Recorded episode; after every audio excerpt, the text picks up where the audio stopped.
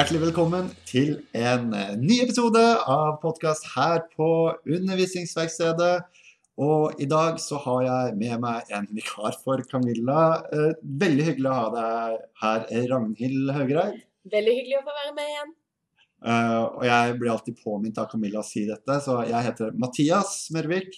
Eh, og vi har med oss en gjest i dag, Kristine Sævik. Veldig hyggelig å ha deg med. Jo, takk. Veldig gøy å få være her. Og du har en sånn, for i hvert fall oss som jobber på undervisningsverkstedet, en veldig sånn ideell CV som gjør deg til et uh, yndet uh, podkastgjest her. Jeg tror kanskje det tryggeste er om du tar oss litt sånn med hva det er du har drevet med fram til du begynte her på UiA som stipendiat. Ja, da Hvor lang tid har du? Vi, kan vi, klarer vi ett minutt? Vi kan prøve. Yes. Eh, ja. Nei, jeg har, eh, jeg har da en bakgrunn fra informasjonsvitenskap i Bergen. Da er vi 20 år tilbake i tid. Eh, og så har jeg siden da jobba med digitalisering av hovedsakelig grunnskolen, da. Forskjellige steder, bl.a. Senter for IKT-utdanningen.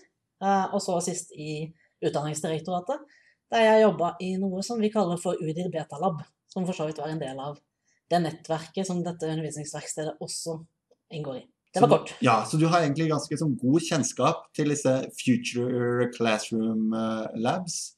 Ja, det har jeg faktisk. Vi har uh, langt tilbake, lenge før det ble Future Classroom Labs, faktisk, så gammel er jeg. Uh, men det er jo et nettverk av type ja, læringslabber da, uh, over forskjellige steder i Europa, med en sånn hovedlab i Brussel. Så det er et sånt, det er et sånt nettverksprosjekt som handler om å utvikle hva skal vi si, digitale metoder, måter å jobbe på, det fremtidige klasserommet. Da. Det, er så, det er ikke alltid det er så mye fremtid, men eh, det er i hvert fall det nåtidige klasserommet. Sånn som det burde være. Ja, så, du har, ja, så du har sett veldig mange av denne type eh, læringsbygg rundt om i eh, Europa. Uh, undervisningsverkstedet er eh, ganske, ganske lite og ganske nytt. Altså, hva slags inntrykk eh, har du når du kommer opp her? Ja, altså Det som jeg pleier egentlig å si da, eh, om disse Future Classroom Labs, eller hva man nå velger å kalle det, det er at det handler ikke egentlig om det fysiske rommet. Det er like mye en sånn en state of mind, en måte å tenke på, liksom. hvordan man tenker om undervisning. Eh, på et tidspunkt så sa vi ja, men det er jo ikke realistisk for skoler å bygge sånne labber. altså Å ha alle disse teknologiene. Så da fant vi opp konseptet som vi kalte Future Classroom Lab in a box. Som var sånn to kasser med utstyr som du kunne flytte rundt på. Og så du, kan du liksom skape det, det handler jo egentlig om hvordan man jobber. Eh, og det er ikke så mye om liksom, har du det siste innen digitale tavler. Eh, mer sånn hvordan tenker du om undervisning og læring, og ikke minst om det med variasjoner. Men hvis du liksom går på det fancy, da, så er jo, så er jo undervisningsverkstedet typisk sånn modellert etter si, den modellen som er eh, ja, mange, mange her har vært på studietur til København. Eh, Meg inkludert. du og inkludert, ikke sant? Eh, så da har du også vært der og sett Det, er jo liksom drømme-future classroom-laben med store soner og fleksible møbler. Og, eh, og det er liksom det som er tanken, er nettopp at du har, du har i undervisning Noen ganger så skal, skal læreren presentere noe. Noen ganger skal elevene presentere noe. Noen ganger skal de skape noe alene, noen ganger skal de skape noe sammen. Noen ganger skal det være struktur, og noen ganger skal det være fri utfoldelse. Og liksom tanken i de rommene er nettopp at du må ha et rom som er fleksibelt nok da, til at du på en måte kan omskape det relativt raskt. Og det tenker jeg man ser rundt her òg, at det er, mye, det, er, mye møbler som er fleksible på hjul. De er høyt oppe og lavt nede. Um, så det, det åpner opp for ulike samlingsformer, da. Selv om ideelt sett så skulle jo jeg hatt det større og enda mer fleksibelt, men eh, man, det ønsker man seg alltid. Alltid. Og, eh, og det å høre på deg, det gjør hjertet mitt eh, varmt. Særlig når du snakker, om, snakker om at det er mindset fremfor å ha liksom den eh, nye tekniske duppeditt med 4K, eller hva det skal være for noe. Før vi går løs på spørsmålet, jeg, bare, jeg har bare et spørsmål jeg må stille deg. og det er liksom, Hva var i de, de kassene dere tok med dere rundt? uh, ja, nei, der var det mye rart. Uh... det var faktisk alt fra skal vi si, limpistoler og, og papp til eh, mikrokontrollere som man kunne programmere, og noen ledninger man kunne klipse sammen. eh, og noen 3D-printa figurer som vi hadde med oss. På et tidspunkt hadde vi en liten printer òg, så det var det tre bokser. En liten printer og to bokser med utstyr. Så En 3D-printer, eller? Ja, da kommer du langt. Altså 3D-printere trenger du absolutt ikke, men eh, har du det, så kan det være gøy. ja. Så har vi tre kjappe spørsmål vi tenkte å stille, bare for å komme litt i gang her. Kjør på. Eh, hva får deg til å smile i et klasserom? Uh, å, det er så mye det, Vet du hva, det er, det er, det er lyd, det jeg kaller lyden av mestring. Uh, for den kan du høre, og det er uansett om du underviser uh, barn på 6, 12, 16 eller voksne på 56.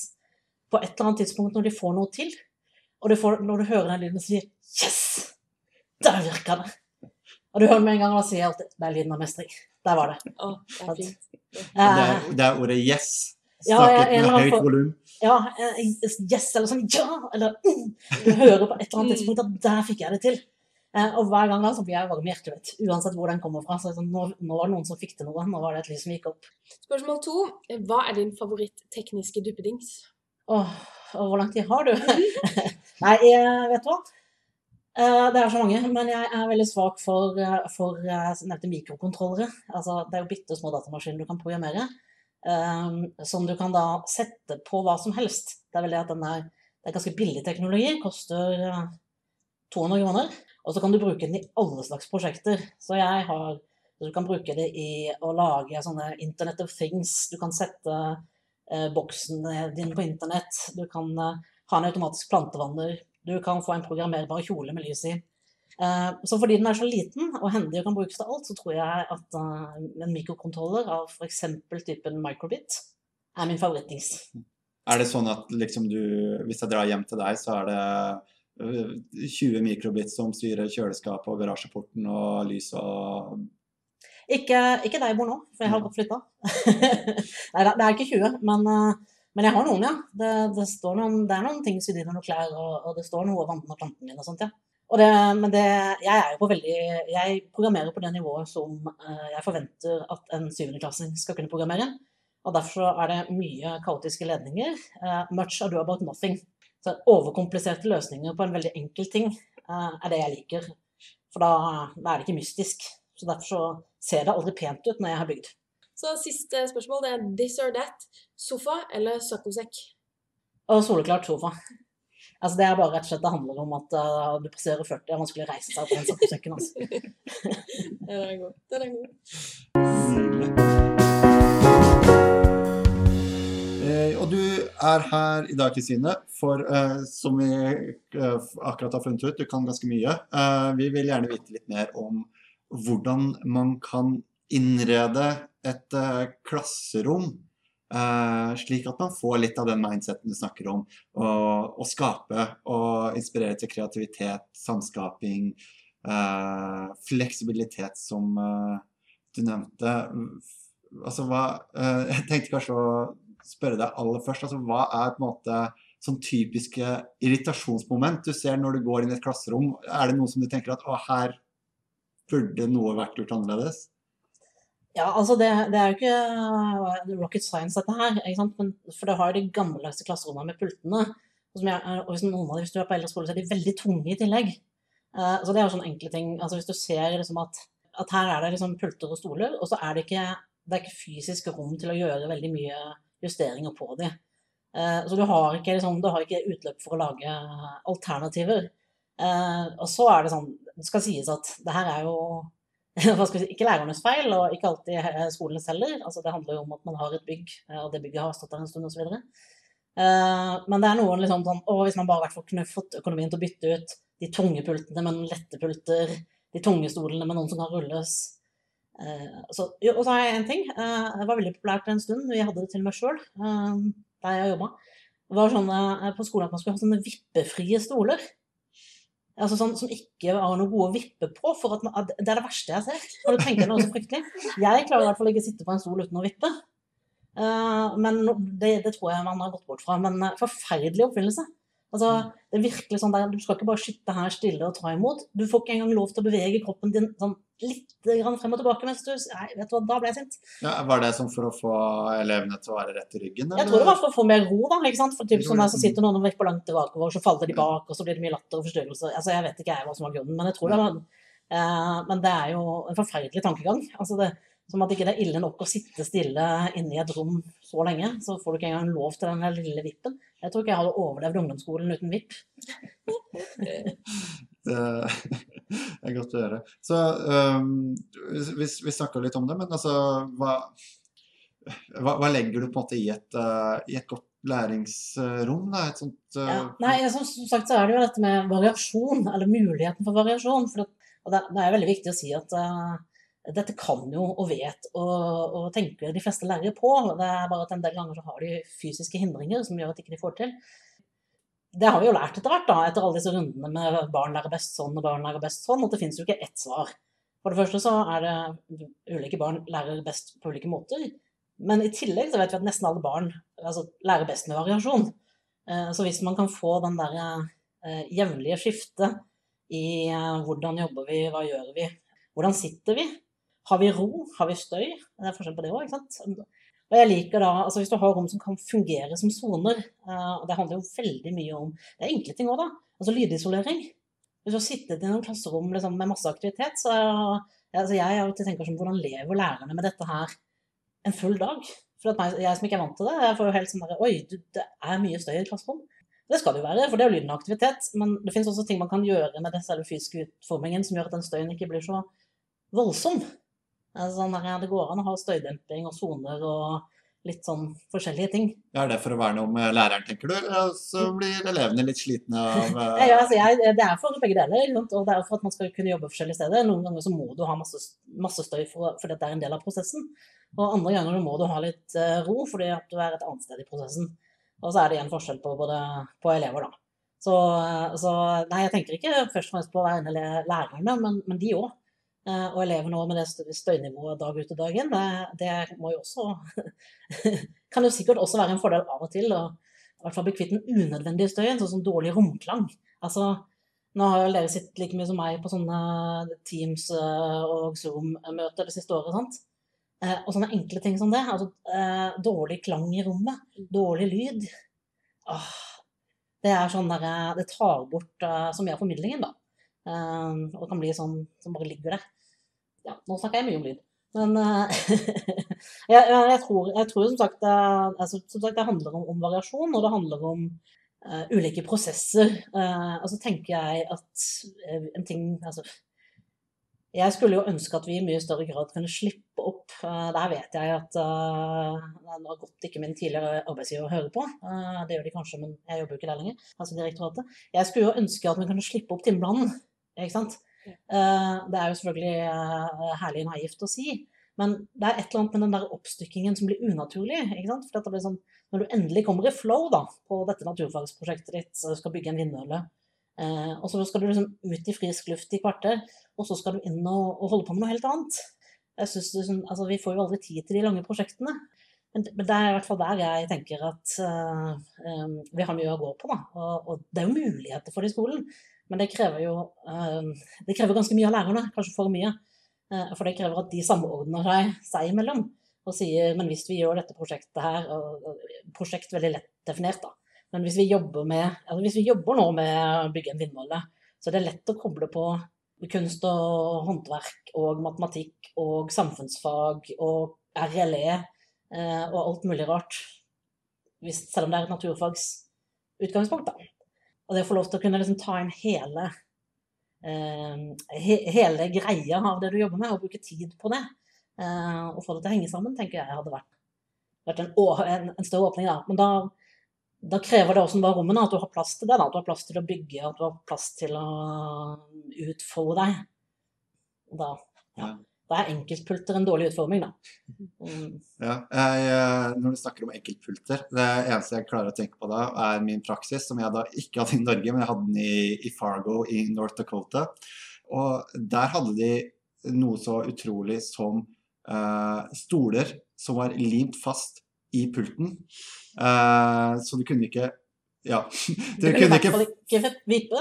Du kunne i hvert fall ikke vippe, nei, skal jeg love deg. Uh, du kunne ikke flytte pulten uten å flytte stolen. Uh, de var heldigvis ikke lint fast i gulvet. Uh, og pulten var så liten at du kunne velge mellom å ha en PC eller en bok på, på pulten, og resten måtte du måtte ha i, i, sekken under. det var en kjempeutfordring. For jeg er jo sånn som liker egentlig å eh, tenke at i dag så er det ikke et klasserom, i dag så er vi en rettssal, eller det er en pressekonferanse, eller vi er en stortingssal, eller eh, vi er et eller annet annet sted, eller vi skal ha liksom, som du nevnte, små stasjoner hvor man hopper liksom eh, mellom forskjellige bord, og vi har en kafé hvor man skal diskutere forskjellige sånn type ting. Og det å ha liksom den type muligheten, da, den var jo helt borte der. Ja, så det er jo det motsatte av fleksibilitet. sant? Uh, nei, altså jeg er jo veldig, jeg er veldig glad i alt som kan liksom, hva skal vi si, dras ut og fjernes igjen. Altså, jeg har jo eh, jeg har, det, er- ganske mange rom man kunne lært av. Altså, ta, ta, ta det helt ekstremt, vi er jo på Sørlandet, så altså, båtinnredning ja, Hvis du kommer inn i en seilbåt, det er jo helt suverent, ikke sant? Eller en campingvogn, for den saks skyld. Uh, fordi at er, du, kan, liksom, du kan bygge om hele, hele rommet fra å være stue til å være soverom til å være kjøkken på ingen tid. ikke sant? masse smarte løsninger som er liksom type tenkt fordi man skal få mest mulig ut eh, av en liten plass. Og hvis man tenkte litt mer sånn nå, da eh, Eller du har liksom utesteder som har sånn Ja, så har de bord eh, med benker som På kvelden så kan det slås opp sånn at det er en scene. Altså, det er, det er ganske mange sånne niftige løsninger som fins møbleringsmessig, da. Eh, hvis man bare liksom tenkte litt annerledes. Eh, ja, og ja, altså mitt favoritteksempel er jo også Tøyen Biblo, uh, ungdomsbiblioteket på Tøyen. De, har jo til og med, altså de fikk jo til og med en pris for eh, Nei, pris da, men jeg tror New York Times kalte det for et av de ti kuleste stedene for ungdom. Sånn. Wow. Og der er designet altså, Det de har gjort der, er jo å spørre gru- brukergruppa. Altså, arkitekten har samarbeida med målgruppa, som er 10-15-åringer. Altså, liksom, hva slags rom vil dere ha? Hva ønsker dere dere av et rom? Som, altså et stort bibliotek, da.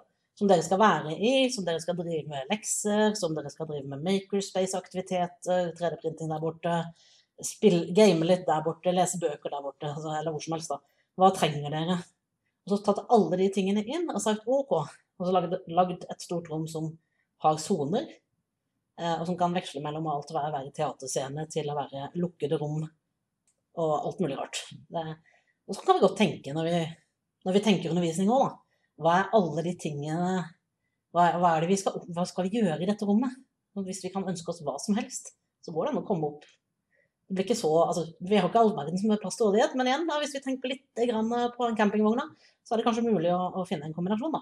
Og dette var Tøyen bibliotek, var det ikke du sa? Jo, det er ungdomsbiblioteket på Tøyen. Ikke sant? Uh, og jeg tror liksom den beste måten å oppleve det på, er å google det og gå inn og faktisk se på, på bildene. For at det er liksom vanskelig å, å beskrive med ord uh, her. Ja, så det er rett og slett å google Tøyen Biblo. Altså, ja, så er det en veldig god bruk av farger og, og teksturer og materialer, det liker jeg òg. Har, har det noe å si i det hele tatt, hvilken farge det er på veggene, og om det henger noe, noen bilder der og sånn? Det er klart det har mye å si. Eh, det vet vi jo. Altså, det er en grunn til at eh, sykehusgangene ser annerledes ut på barneavdelingen, da. det, og de burde jo ikke gjort egentlig. Sånn overalt. Vi, det, det er jo helt menneskelig. Vi trenger jo farger rundt oss og inspirasjon og i det hele tatt. Noen ganger kan det bli litt krampaktig igjen på skoler, da. For da er det sånn at nå skal vi være gøyale. Eller så kommer det noen inn med noen gøye farger, og så maler de. Og så er det litt sånn Ja. Ja. Kanskje ikke. Men, eh, men jeg tenker jo at man, i hvert fall hvis man tar med, tar med ungdommene, da, eller barna Og det ser du jo veldig mange i klasserom òg, at de har veldig mye sånn Nå har vi prosjekt om ditt og datt, så da har de masse tegninger og masse greier på veggene som de kan bytte ut. Så litt sånn ja, Igjen da, litt fleksibilitet. Du blir lei av det samme, eh, det samme på veggene hele tida. Eh, men farger må man alltid ha. Det er helt selvfølgelig. Og så bør det helst ikke matche, hvis du spør meg, da. Men det er bare sånn, jeg liker at det er sånn litt av alt. At ikke man tenker sånn Å, nå i dette rommet har vi grønne stoler, i det neste rommet har vi røde stoler. Jeg bare, hvorfor det? Altså, Mm. kan vi ikke ha alt? Du ønsker litt eh, kontrast, eller du ønsker å bli litt, eh, litt provosert, kanskje? Jeg, jeg tror jeg ønsker litt kaos. Litt kaos? Altså, jeg, jeg, jeg, jeg, det er forskjell på folk, da, men jeg trives best i litt kaos. Eh, eh, Da, da fungerer min hjerne best, da. Da kiler det litt, liksom. Men det er min personlige preferanse. Jeg vet at noen foretrekker orden. Du, eh, bare lurte på, Hvis du kan se for deg at du har fått eh, en ny, ny jobb som lærer på en eh, ungdomsskole. Du skal være klasseforstander for, for 9. trinn. eh, og du kommer til et veldig sånn klassisk eh, klasserom. Eh, og du er ikke veldig bemidla, men du får 5000 kroner av rektor til liksom Hei, gjør hva du vil. Hva gjør du? Som både koster penger, og som kanskje ikke koster penger heller. Altså, egentlig det første jeg gjør, er å finne ut av om jeg har noen venner hos kollegaene mine.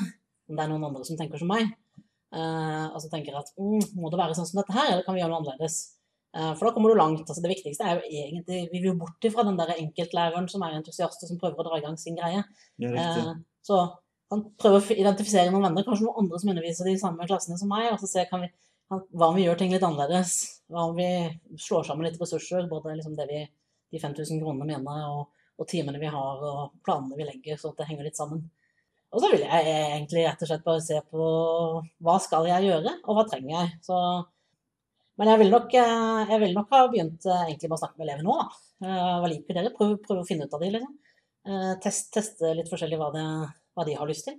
Så kunne vi alltid brukt noen hundrelapper på litt maling, hvis det var lov. Men, men jeg ville nok ha kjøpt Litt avhengig av hva jeg underviste i, men jeg ville nok ha kjøpt noe elektronikk, altså.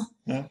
Jeg har sikkert ikke lov å lodde i det klasserommet, heller, for de har jo sikkert ikke ventilasjon. Men, eh, men jeg syns jo at alle barn burde gå ut av ungdomsskolen og kunne lodde. Jeg syns det var helt krise at jeg ikke lærte det. Uh, uansett hva jeg underviste i, så syns jeg at man skal gå Så jeg ville hatt noen loddebolter. Jeg heller bare satt, satt de ved vinduet. Hvordan er du på lodding, Ragnhild? Ingen erfaring. Ikke jeg heller. Nei, men altså, det kan jeg lære deg på 45 sekunder hvis vi har en loddebolt, så det går fint. Vi, vi har brukt uh, halvannet år på å fikse en eh, 3D-printer her, uh, og måtte bestilt nytt kort og alt mulig. Det har nå gått opp for oss at eh, dette kunne vært løst ved å lodde en ledning. Altså, men det var si, for at jeg var liksom godt voksen når jeg første gang lodda noe. Og igjen da eh, føler jeg eh, lyden av mestring. Altså, altså, det føles jo helt magisk at du har en ledning som er, som er kutta, og så kan jeg fikse den eh, på, på 30 sekunder. Det er fantastisk mestring. Det burde alle oppleve. Ja, og, og, som du sier, hvis alle elever går ut av eh, norsk skole med evnen til å lodde, det vil jo være et enormt eh, miljøbidrag. Ja, Tenk altså, deg alle ladere og sånn som ikke må kjøpes på nytt. absolutt. Altså, det er jo en av de tingene som altså, Det å kunne reparere ting. Det er, vel, det er jo ingen av oss som kan det. Vi har ikke lært det. ikke sant? Eh, Foreldrene mine er jo helt oppgitt over at jeg bare er sånn «Nei, ødelagt.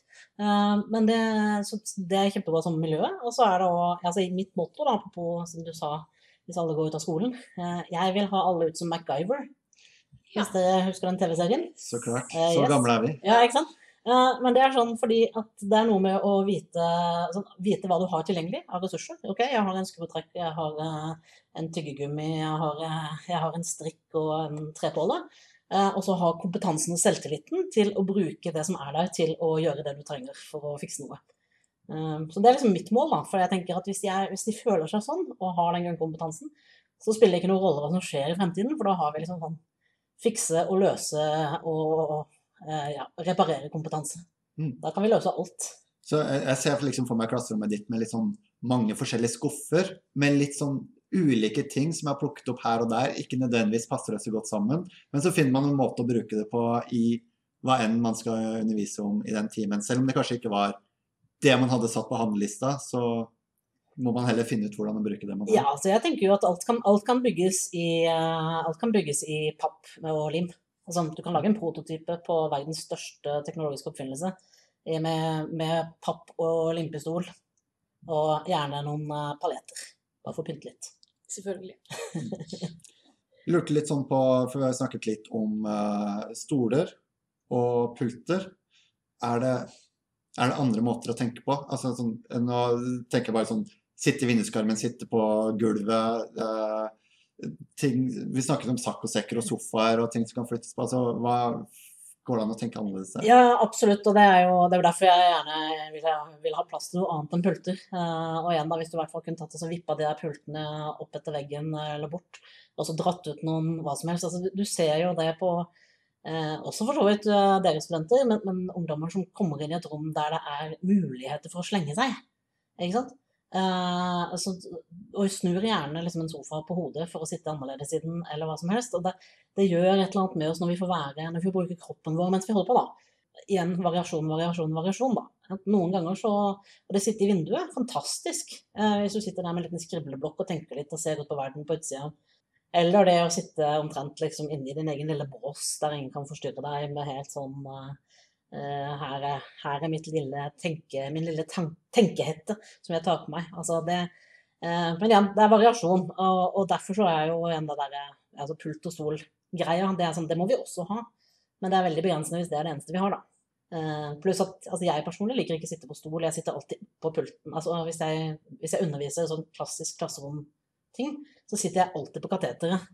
For jeg liker best å dingle med beina, for da får jeg liksom Så nå sitter jeg og vipper, det ser dere sikkert her, ikke sant? Ja. For jeg liker å dingle med beina mens jeg prater. Og det er det ganske mange andre som gjør. Jeg, eh, jeg pleier også å gjøre det. Så tar jeg meg selv tid. Nå sitter jeg på, eh, på kateteret, så ser jeg ned, eller så sitter jeg på, på pulten til elevene, hvor de faktisk sitter og skal faktisk skrive noe på den, eh, på den pulten sin. Men jeg har også veldig lett for å sitte på bord, eller sitte f.eks.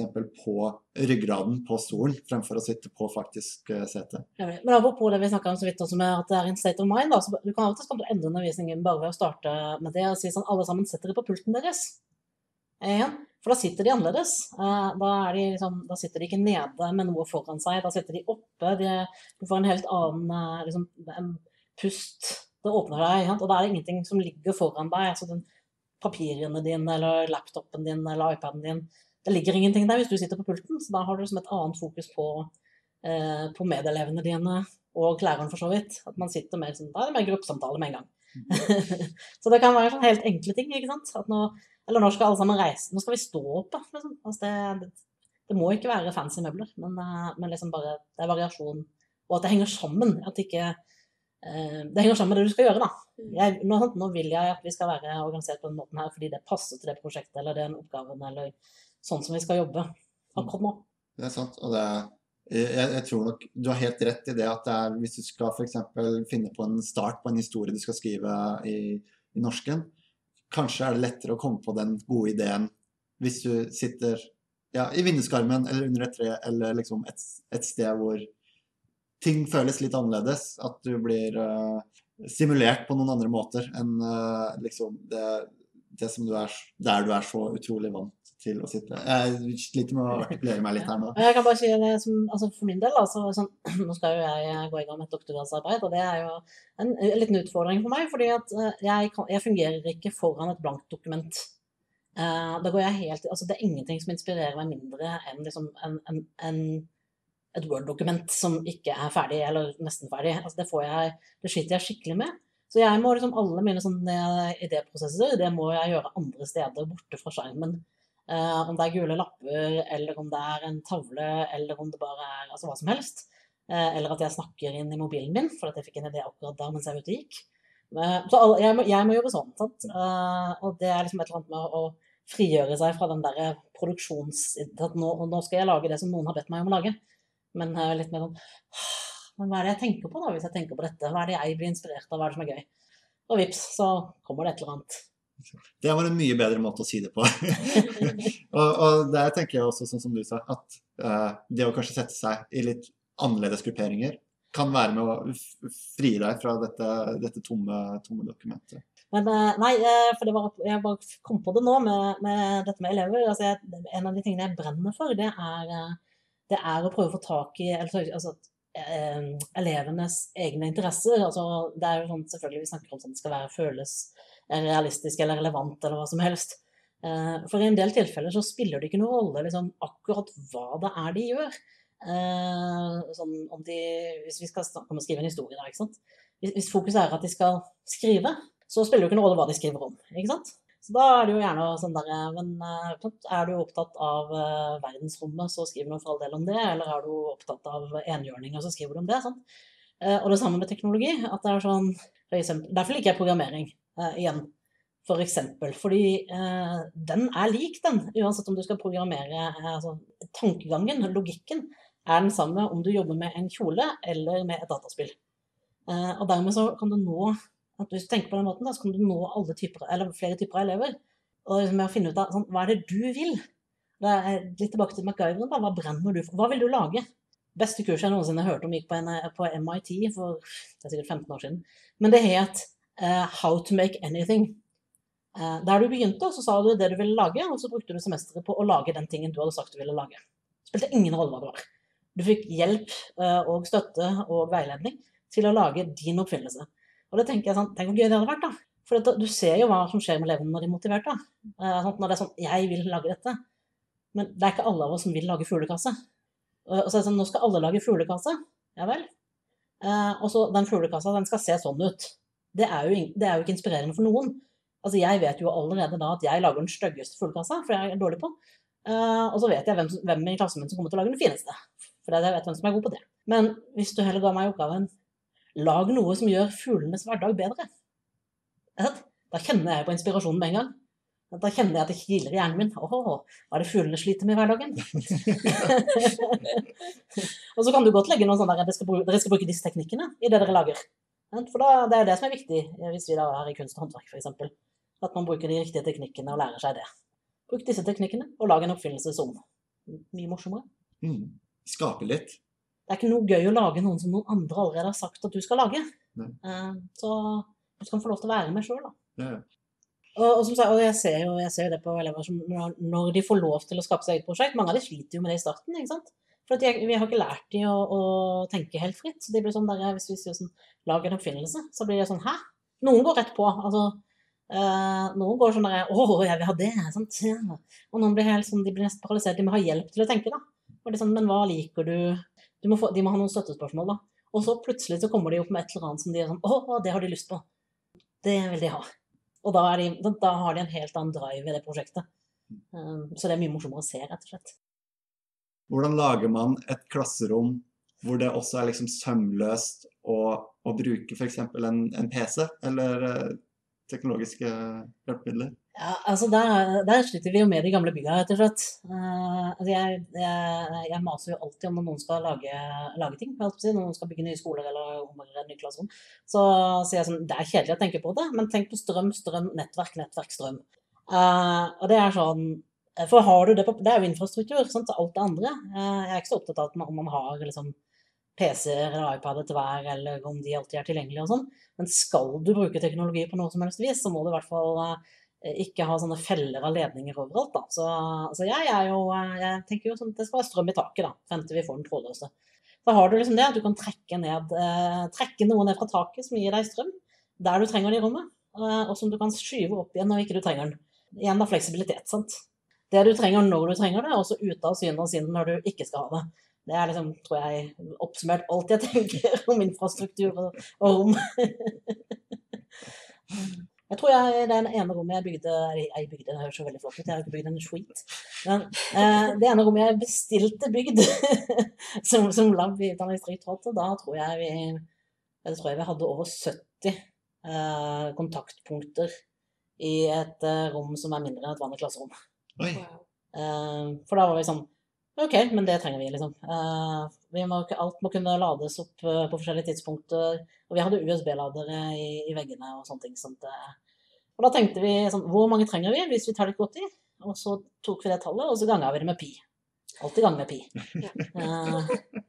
er det en hellig regel i romutforming? Altså, jeg pleier å si det. Da, da, da er du sikker for en stund. Da, hvis du tenker det, den, dette tror jeg at det er det jeg trenger for nå og en stund fremover. Hvis det likevel ikke koster en formue å gange med pi, så ganger du med pi. For da holder det i hvert fall en stund. Genial. Yes. Da tenker jeg at vi kan si uh, tusen takk for at du var med oss uh, i dag, eh, Kristine. Uh, det var veldig hyggelig å ha deg her. Og vi, jeg har i hvert fall lært mye. Det kjempespennende. Kjempespennende. Det er så bra. Det er veldig hyggelig å få være her. Jeg kommer gjerne tilbake igjen.